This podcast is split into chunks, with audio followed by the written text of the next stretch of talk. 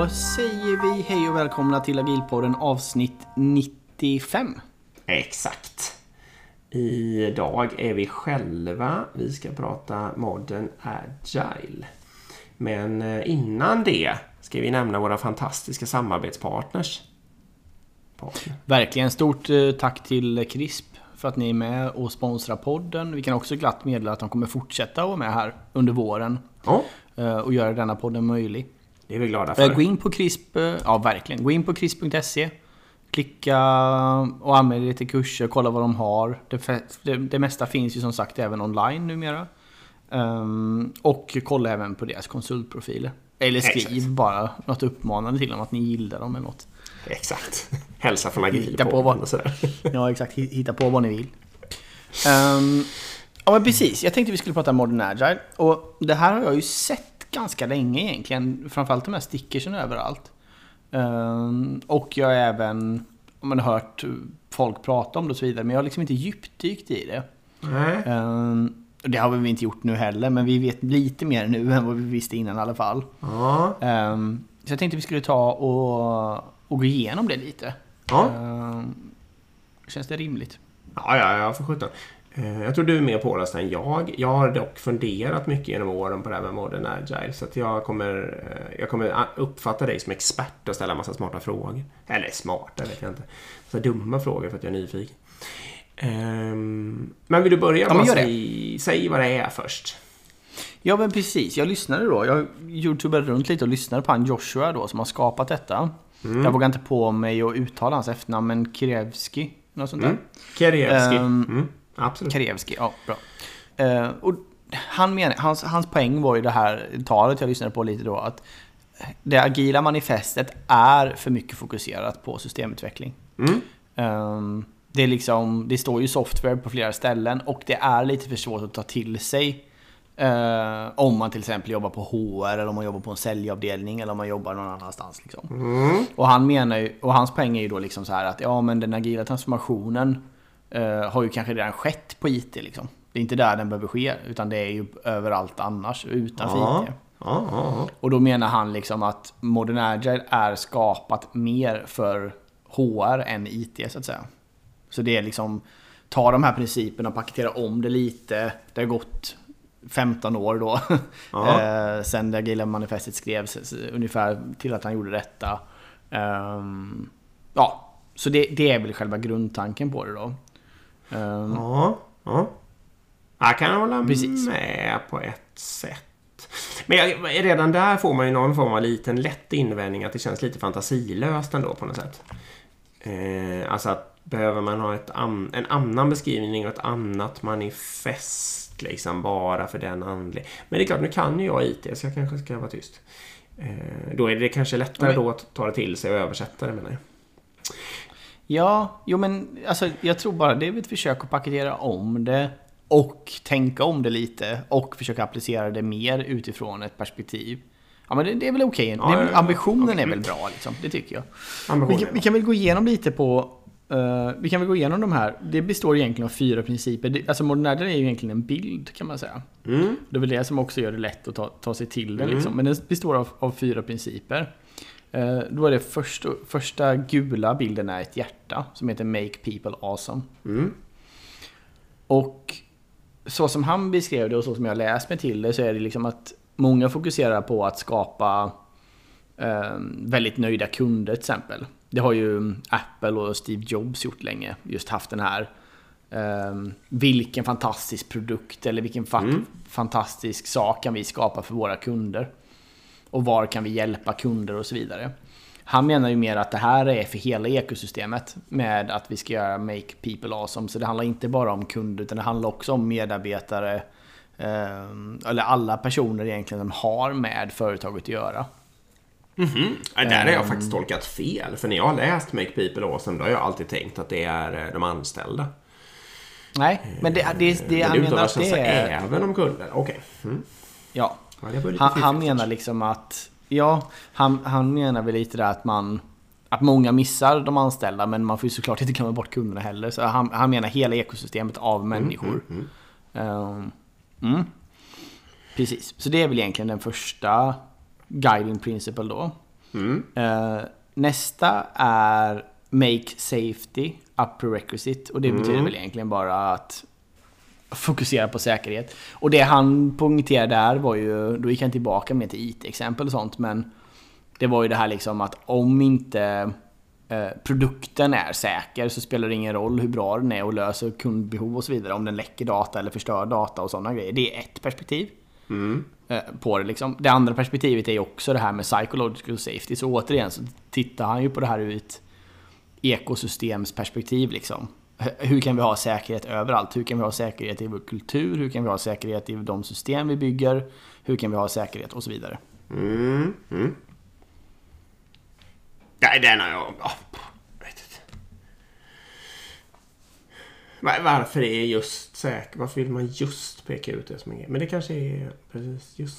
Jag tror eh, mycket handlar... Mycket det han argumenterar för är psykologisk säkerhet.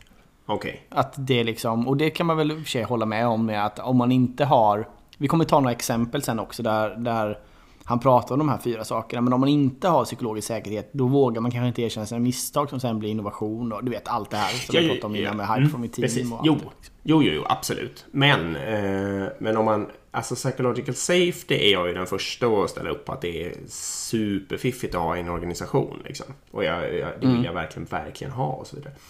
Men om man har en princip som heter make safety a prerequisite då, får, det, då blir, den en liten översättning i mitt huvud och så börjar jag just fundera på själva IT-säkerheten som sådan. Och liksom, alltså det, då får jag, mm. jag tappar ju fokus där direkt. Då hade det varit bättre att det stod ja. psychological safety. Jag förstår. Men det är nog att han vill ha helhetsperspektiv mm. på det. Uh, okay. mm. Precis, och sen har vi då uh, experimentera och lär dig fort. Liksom. Ja. Ehm, och där menar han att de hänger inte heller ihop, utan man kan lära sig fort och man kan experimentera fort. Mm. Man kan lära sig utan att experimentera och man kan experimentera utan att lära sig. Mm. Men båda mm. måste man göra fort liksom. Um, ja, det är väl... Ja, men det är väl bra. Men varför... Gud, jag, jag, jag bara sitter och kritiserar. Så Varför kallar man inte det ja, för korta feedback-loopar? Ja, det är väl egentligen det det är såklart. Det korta feedbackloopar mm. blir ju... Ja, det är både och. Både och. Ja. alltså det beror ju på, men jag menar, om man vill skapa en experimenteringskultur på sitt företag med att man vill att folk ska testa saker, lansera det för tre kunder och sen skapa massor med feedback och sånt. Det är ju såklart att korta feedbackloopar också. Men ja. korta feedbackloopar pratar inte om hur man gör det riktigt. Nej, man skulle ju kunna leverera något, något, eh, något skit som är uppspäckat på en, på en spes eh, och en långsiktig plan i korta feedbackloppar faktiskt. Och så inte bry sig om feedbacken. Det är ju sant. Ja, men lite så. Men, absolut, det är ju sant. Då har man inte experimenterat, man har framförallt inte lärt sig. Nej, man har varken experimenterat eller lärt sig, men man har ändå korta feedbackloppar. Nej, det är sant. Men, men den, precis, för det kommer ju över på, det, det kommer över på sista principen också som är deliver value continuously. Mm. Uh, och det är ju just det här, hur kan vi då se till att vi får ut vårt arbete snabbare, eller det vi gör liksom snabbare. Hur, att vi skapar värde snabbare för kunden eller för organisationen eller för allt liksom. Mm. Det är ju nästan ta... en lean-princip, men för all. Mm, fortsätt. Ja, princip. Och jag tror, det jag läste mellan raderna som han menar, det är också liksom att han är ganska trött på att det hela agila communityt har blivit massor med ritualer. Han tycker liksom att det är lite galenskap att vi håller på med eh, med Scrum och sprintar och det ska vara en produktägare som godkänner vad vi levererar efter två veckor. Och, alltså han tycker att det är gammalmodigt liksom. Mm. En, en produktägare som inte använder produkten som vi faktiskt bygger kan ju aldrig godkänna om den är bra eller inte. Det måste ju slutkund göra liksom. Så, sådana poänger gjorde han. Så han var ganska skeptisk över liksom hela det här. Eh, två veckors sprintar. Han, han, kastade mycket skit på Scrum kan man säga. Ah, I den prestationen. Men han kanske gjorde det delvis för att vara rolig också. Jag vet, det är svårt att säga. Men så här. Han säger liksom att jag vill inte skapa ett nytt ramverk med metoder. Det ska Nej. bara vara principer. Okay. Metoder pratar vi inte om liksom. Men det gör ju också att det blir väldigt luddigt. Um, det, det, blir ju, det blir ju luddigare liksom. För om man, om man kritiserar Scrum um, så som vi också kritiserat Safe. Ja. Så blir det ju den här intressanta motfrågan att okej, okay, vad ska man göra istället då? Ja, men i fallet med Safe har ju vi faktiskt massa svar på det. Det är ju att jobba med arkitekturen och sådana ja. saker. Ja, vi har idéer på det, absolut. Men, absolut. men det framgår ju inte här menar jag. Det är det som är problemet. Och vi skulle ju kunna göra ett eget skalning, så kallat skalningsramverk som baserades på eh, arkitektur och team, autonomi och sådana där saker. Eh, där vi, och liksom, det skulle vi absolut kunna göra. Men vi har inte gjort det. Men, men här finns ju ingenting sånt då istället. Eh, egentligen är ju inte heller Scrum... Vilket årtal är Scrum ifrån? Ja, det, när vi pratade med Jeff så menar han ju att de började med Scrum innan manifestet. Ja. Alltså man kan fundera väldigt mycket på det här men eh, en hypotes, din hypotes är väl att eh, agilt inte hade slagit igenom som det har gjort om inte Scrum hade funnits? Nej, jag tror inte det. Jag, alltså, jag, tror, jag tror att Scrum har hjälpt. Jag, alltså, jag, jag menar, varför agilt har flugit inom IT, det är ju för att det finns metoder att applicera. Det räcker ju inte att bara sitta och läsa manifestet och sen bara okej, okay, nu ändrar vi allt hur vi jobbar liksom. Utan Scrum har ju varit ett fantastiskt verktyg. Okej, okay, vi implementerar det här ungefär så som de säger att man ska göra och sen utvecklar vi det själva liksom. Det har ju hjälpt otroligt många utvecklingsteam. Nej, jag, jag drar ju alltid mina kära Toyota-liknelser. Där finns ju liksom ingen sån allomfattande metod. Det gör det är inte Scrum heller egentligen. Men eh, däremot kan man ju säga att om man vill lära sig någon form av lean approach eh, då kan man ju titta på vilka metoder som andra företag använder och sen får man ju bara förstå att man inte ska kopiera dem kanske rakt av. Eh, men man kan ju definitivt vad ska man säga, börja med dem för att ha en utgångspunkt och ha någonting att lära sig ifrån och så vidare. Och det är väl det som Scrum har blivit som någon slags branschstandard-ish om man vill komma igång i någon form av agil kultur. Att man kan ställa sig på Scrum. Eh, då är man startad och sen kan man göra massa superbra grejer. Eller liksom, då, är, då går det ju, mm. då har man ju fått upp en hastighet. och sen kan man bara öka därifrån eller, eller anpassa som man själv vill ha det. Precis, men jag tror här är tanken också att det här är inte för IT nödvändigtvis. Utan det här Nej, är för en restaurang, det, det, här är för en förskola och så vidare. Och då blir ju Scrum mycket mer svårapplicerat. Ja. Men han tog ett exempel, han berättade, han berättade om ett exempel där han, där han hade sett liksom hur, hur, det här på, eller hur det här användes på ett vackert sätt. Då liksom. Ja. Jag ska försöka återge det, men då var det på en tre, det var på en trestjärnig Michelin-krog. Ja. Som de gjorde lemon tarts. Jag antar att det är någon form av citronpaj liksom. Till efterrätt. Um, och då när de skulle... Eller ska jag titta vad tard... Vad, vad det, översättningen är så jag inte säger fel. Lem... Lemon tart. Ja men det är, det är en form av paj. En avancerad fin paj liksom. Mm. Då skulle de servera två stycken till kunder och en av hans huvudkockar då tappade tappade tallriken på vägen ut till serveringen liksom. Och då gick tallriken sönder och den här eh, kakan gick i tusen bitar liksom och smashades ut. Och de hade liksom inte riktigt tid att göra en ny. Och då, då, då funderade de liksom, okej okay, hur gör vi ett snabbt beslut här? Och då, då sa han ju, han som ägde stället då liksom att okej, okay, men vi gör ett experiment här. Vi kastar sönder den andra också liksom. um, och så kallar vi den för eh, en tappad citronpaj liksom. Och det här har ju blivit en super, super succé och är nu då en av deras absolut mest sålda rätter på den här restaurangen. Ja. Så nu serverar de på en tallrik som är trasig. Ja. Med en äppelpaj, eller med en, det finns bilder man kan googla på detta. Där den är liksom helt söndersmashad. Ja, roligt. Och det har blivit en, blivit, ja, blivit en grej då. Ja. Och då menar han det liksom att de här då lever ju då efter de här fyra stycken principerna då som man menar. Ett är ju då det här med att safety, om man tar safety-biten då så menar han ju att det fanns den psykologiska säkerheten i kulturen. Att våga erkänna att man tappar den ja. och liksom ta upp det bara. Okej, okay, det var fel att jag gjorde det. Alltså, förstår du? Liksom, istället för att man typ... Att de då kockarna skulle börja mörka det här kanske försöka göra något, något annat istället och sådär. Som man kanske då hade gjort om... Ja. ja, kanske det. Eller baka en ny eller baka något annat och så vidare. Ja. Det är ju en grej då. Det andra är ju det här med experiment och att okej, okay, att vända det liksom, att okej, okay, vi kan lära oss något av det här. Det här kanske inte alls flyger, men låt oss göra ett experiment och se vad som händer. Och sen det här med deliver value, det blir ju också då liksom att ja, de lyckades leverera ut efterrätten till kunden på utsatt tid trots att det här hände då. Och sen utifrån det här att göra people awesome också då liksom att både att göra kunden nöjd i det, att faktiskt leverera dem någonting, men också det här att ha den kulturen då där alla är så pass trygga att de vågar. Ja, det blir, det blir ganska likt det här med säkerhet i det här fallet, men uppenbart har de ju en, en, en kultur på det företaget då liksom. Ja. Nej, intressant i och för sig. Ja, och det är så han menar att det ska användas liksom. På företag utanför IT. Att om, du, om du försöker optimera och styra på de här fyra principerna i ditt ledarskap och hur du sätter upp din organisation så kommer du bli bättre än de andra organisationerna som inte gör det. Ja. Jag funderar.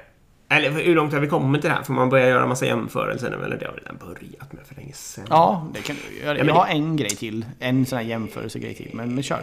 Ja, men jag, jag, bara, jag måste bara få göra jämförelsen att eh, de, eh, det agila manifestet då anno 2001. Det har ju fyra stycken värden. Eh, som har den här uppbyggnaden med den här over-grejen liksom. Och ja, det är väldigt ja. mjukvaruinriktat. Det riktar ju sig till de problemen som 90-tals mjukvaruutvecklingen hade i och för sig. Men herregud vad det är krispigt. Ja. Eh, det är ju det liksom, tror jag. Det är det jag inte...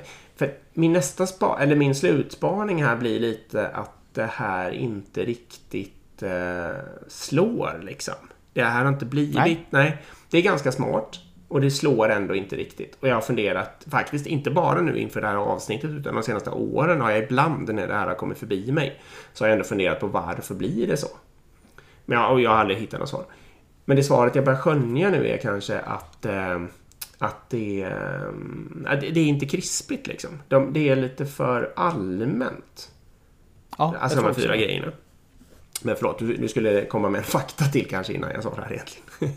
Nej, nej, men det är okej. Okay. Jag, jag, tror också det. Jag, liksom, jag har ju sett att organisationer använder det här liksom, och pratar om det. Och det kanske är ett smart sätt att rulla ut agilt på i en traditionell organisation också. Det är lite svårt att komma med agila manifestet till en säljavdelning och börja prata om att man ska eh, inte hålla på med eh, contract negotiations liksom.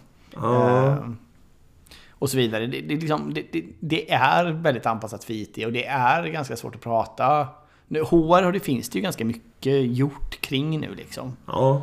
Um, um, där vi har pratat om i podden med Frida Mange till exempel, eller Pia-Mia. Det, det, finns ju mycket dokumentation och gjort kring HR. Hur ska man jobba med HR istället? Och hur omvandlar man de traditionella processerna på HR till mer agila processer? Ja. Men om man tar sälj Ja, det har vi pratat en del om. Eh, men det finns ju fortfarande ganska lite. Det är ju fortfarande väldigt prestationsbaserat. Det är väldigt individuellt. Man jobbar inte i team och så vidare. Man jobbar väldigt hårt på budget och sådär. Och då kanske de här grejerna på något sätt är lättare att applicera. Om man ska vara, nu är jag lite mer snäll, snäll mot det här då. Ja, um, kanske. Vi träffade ju någon en gång, jag kommer faktiskt inte ihåg vem det var, men det var ju någon som hade provat att um, ta in uh, agilt på en säljavdelning. Eh, mm. Och det hade i sitt första utförande hade ju det gått helt åt skogen. De hade ju sålt mm. mindre och sämre och allting hade blivit dåligt. Men sen hade de ju på något, och då var ju det som de till slut lyckades identifiera, det här är verkligen långt bak i mitt minne, men det var ju just det här med mm. teamkultur och huruvida man jobbade för att man själv skulle sälja mer eller om man jobbade för att hela organisationen skulle sälja mer. Och så jobbade de med den kulturen på något sätt. Eh, och, och skapade någon form av mer att man jobbade för allas bästa i ett team tillsammans och då slog det igenom. Mm. Eh, men jag vet inte på vilket sätt det här skulle hjälpa mig. Eh, om jag hade Nej, min men... säljavdelning där. Det skulle inte hjälpa mig heller i och för sig. Men... Nej men det finns ju en del. Det finns ju lite mer av det här också. Det finns ju några sådana här sheets man kan ladda ner på deras hemsida här. Och då finns det ett som heter Accelerating Flow. Ja. Så det handlar ju om att flödesoptimera helt enkelt. Och sen så finns det en som heter Psychological Safety. Alltså där man kan då ladda ner och jobba, jobba med övningar för, för att öka sin psykologiska säkerhet. Ja. Till exempel. Um, ja, och så vidare. Så det finns ju lite mer än vad vi säger. Ja. Det finns hur man ska göra, hur, hur man gör mob programming till exempel. Ja. De här kallas ju helt fyndigt för, eh, nu ska vi se om min engelska klarar av det här, men alltså cheat sheets. Alltså fusk, ja. fuskblad helt enkelt. Precis. Eh, för att de då på något vis, jag vet inte om de är fusk därför att de är lite som Scrum då eller vad det nu är. De anser att det är någon form av metodaktiga grejer. Eh, men som fortare tar en mot en modern agile approach. Det är så det ska tolkas tror jag. Eller? Ja, jag, jag, tror man kan se det som en fusk, alltså att det är snarare en fusklapp. Att det är, en liten, det är inte en novell i det här hur det här funkar. Utan nej. det är liksom en fusklapp. Titta på den här och gör det här så blir det bra ungefär. Um, nej men precis. Um, de är ju typ, det är ju som A4-blad liksom, eller vad man ska säga. De här som man kan... Man skulle kunna skriva ja. ut dem. Dub dubbelsidiga.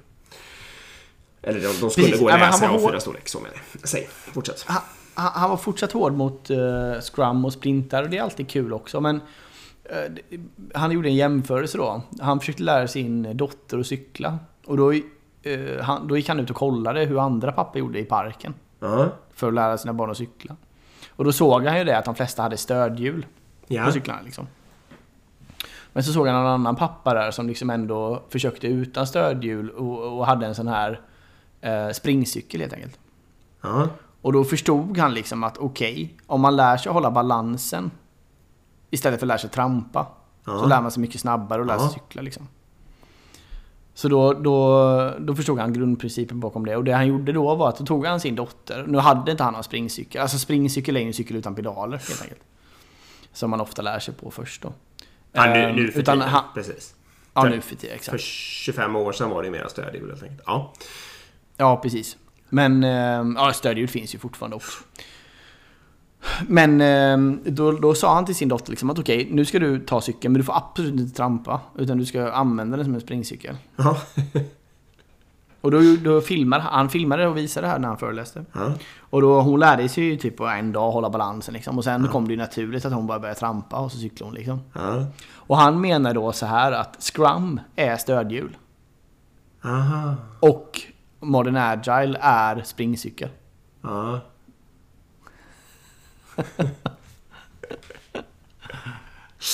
Ja. Det är rolig liknelse. Men grejen med det där, ja precis, stödhjulen och, eh, och, och, balansen. Det är, eller eh, så ska jag inte säga. Stödhjul, eller nej, färdigheten att trampa versus färdigheten att hålla balansen. Eh, då är det alltså mycket, mycket fiffigare att först få träna in färdigheten att hålla balansen. Egentligen det som är slutsatsen. För att den är en grundförutsättning för att kunna lära sig trampa på ett bra sätt. Och gör man tvärtom så kommer man aldrig till balansen.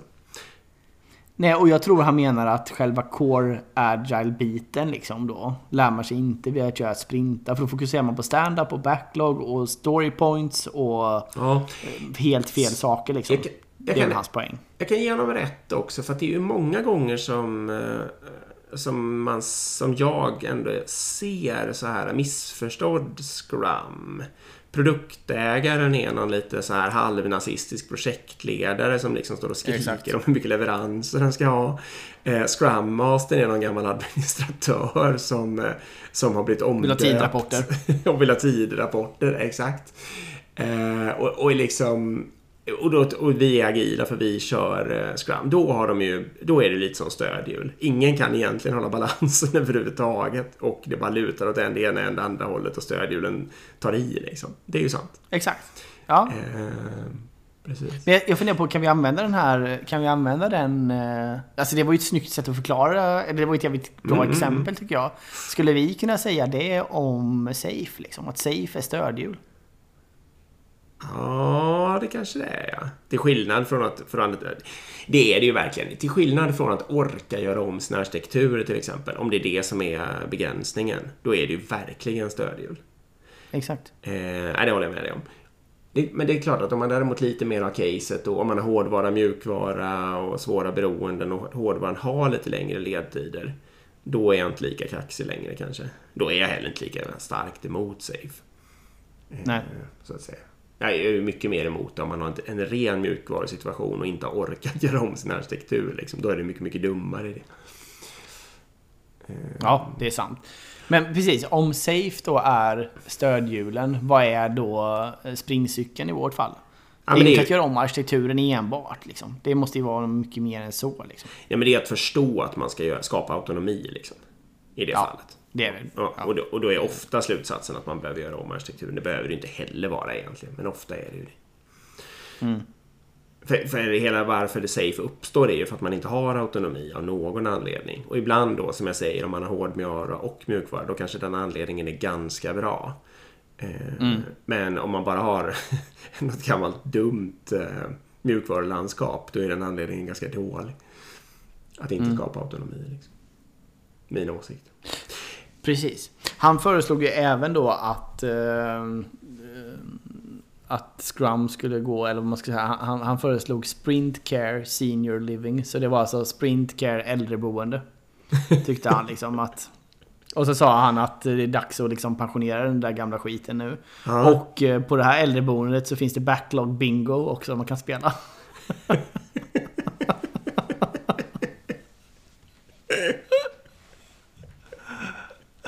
ja, det var, så han var lite hård mot det. det det finns ganska mycket sådana, vad ska man säga, mustiga eller alltså uttrycksfulla människor i det här. Det, kan, det stämmer väl också. Alla de här manifestmänniskorna som har intervjuat har ju haft, de har ju ofta haft starka åsikter och ganska mycket personlighet. Alltså, det måste man ju säga. Verkligen. Nej men vi, och vi, jag, vet att, jag vet att vi känner folk som känner Joshua så vi kan ju lätt få med honom i podden också. Vi, vi kanske ska göra det sen i höst. Mm, kanske Ja, och bara prata med honom om det här. För det känns ju som att han har mycket content. Men precis, men så slu, slutpoängen var ju liksom så här i någon mån att Modern Agile fokuserar inte överhuvudtaget på ritualer och det ska man inte heller utan fokuserar på resultat istället. Det var hans poäng liksom. Mm.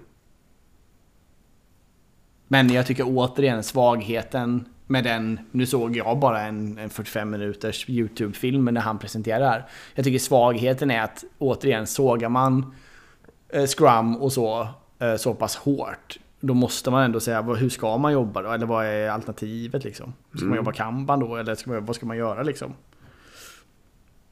Nej, verkligen. Nej, men om min sån slutsats av allt, allt det vi har sagt just nu, det blir ju egentligen just det här att eh, varför slår det inte igenom? Många smarta människor gillar det här och tar upp det ibland. Varför slår det ändå inte igenom? Ja, det tror jag just är för att det är inte krispigt och det, är, det finns inget enkelt sätt att komma igång på. Liksom. Nej. Det är ju ingenting på det sättet. Liksom. På något konstigt sätt. Precis, och vi kan säga att inte slå igenom. Vad menar vi med det? Jag gick till exempel in och kollade. Jag gick med i deras Facebookgrupp idag. Jag tror mm. det var det var precis exakt 10 000 medlemmar där. Och det känns ju ganska tunt om man jämför eh, med hur stort communityt är.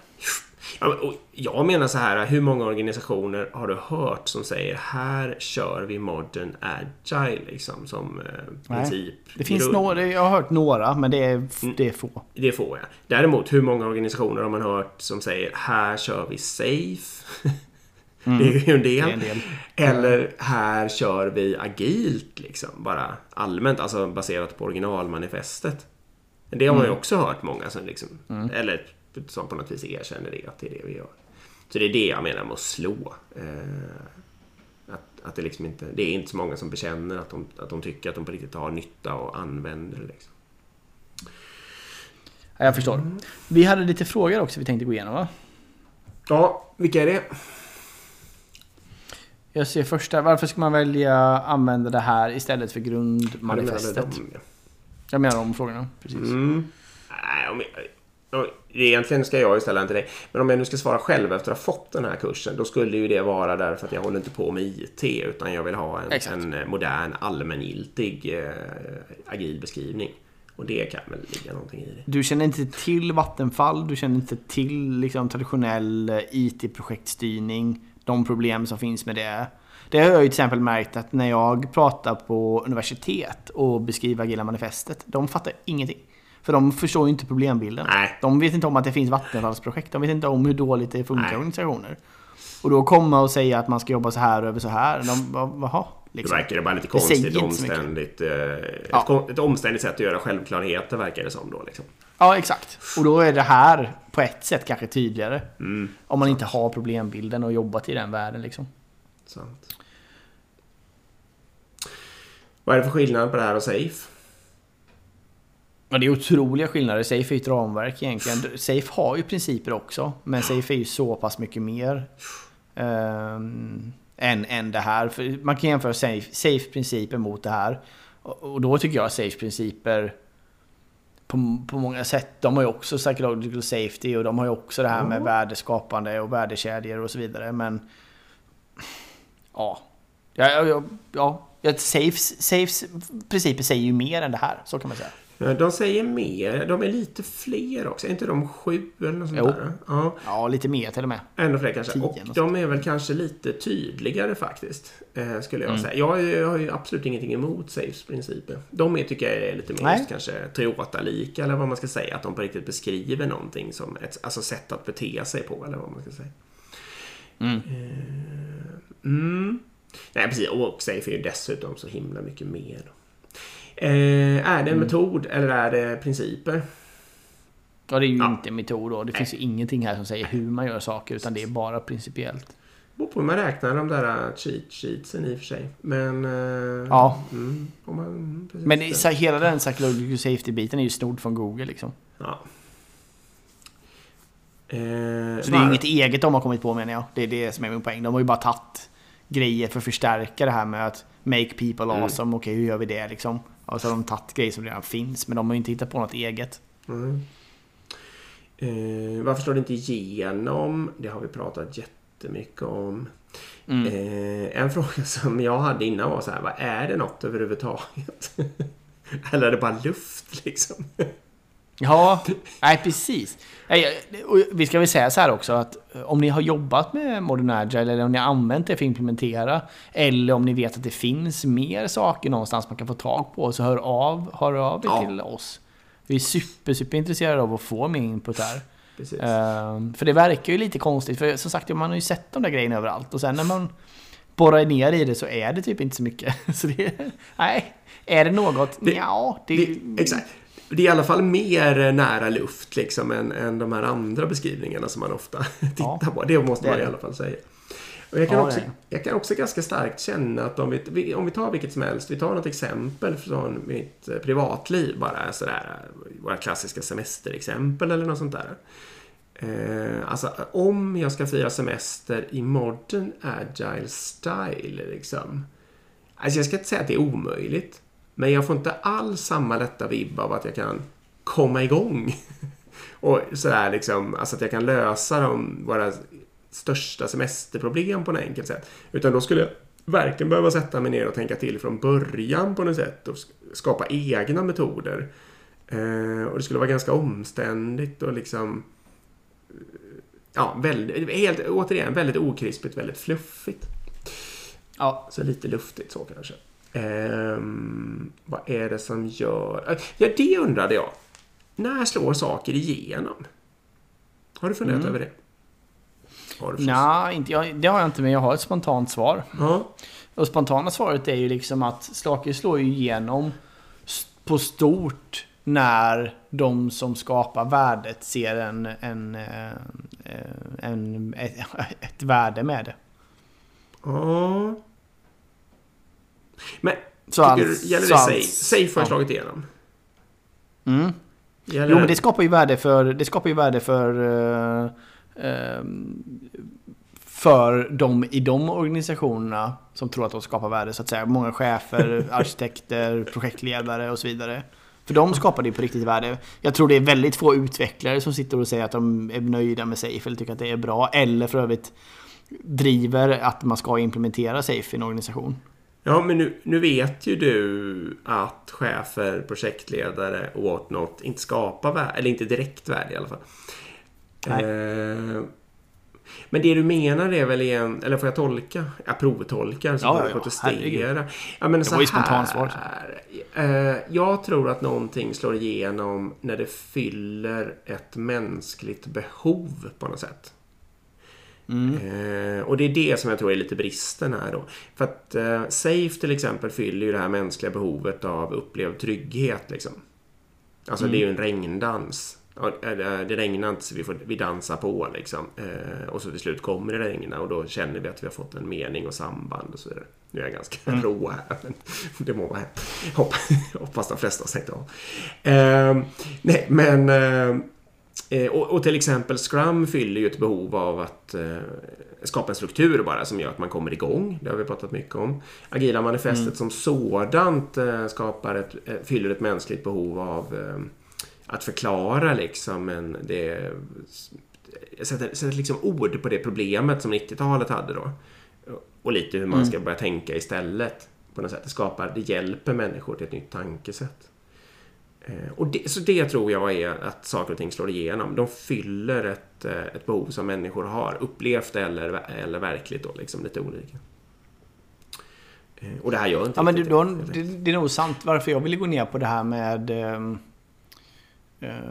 med de som skapar värde. Det är ju för att jag tror ju till exempel att Extreme Programming och Scrum har slagit så pass hårt för att de som jobbar med att utveckla mm. gillar det sättet att arbeta. Liksom. Det är inte för att någon chef tycker, tycker att det här ser lite småbra ut. Då hade Nej. det liksom aldrig flygit på den skalan som det har. Utan det här har ju vuxit tack vare att utvecklare har spridit det mellan sig. Liksom. Mm. Precis. Eh, alltså du menar Scrum och XP. Scrum och eh, ja.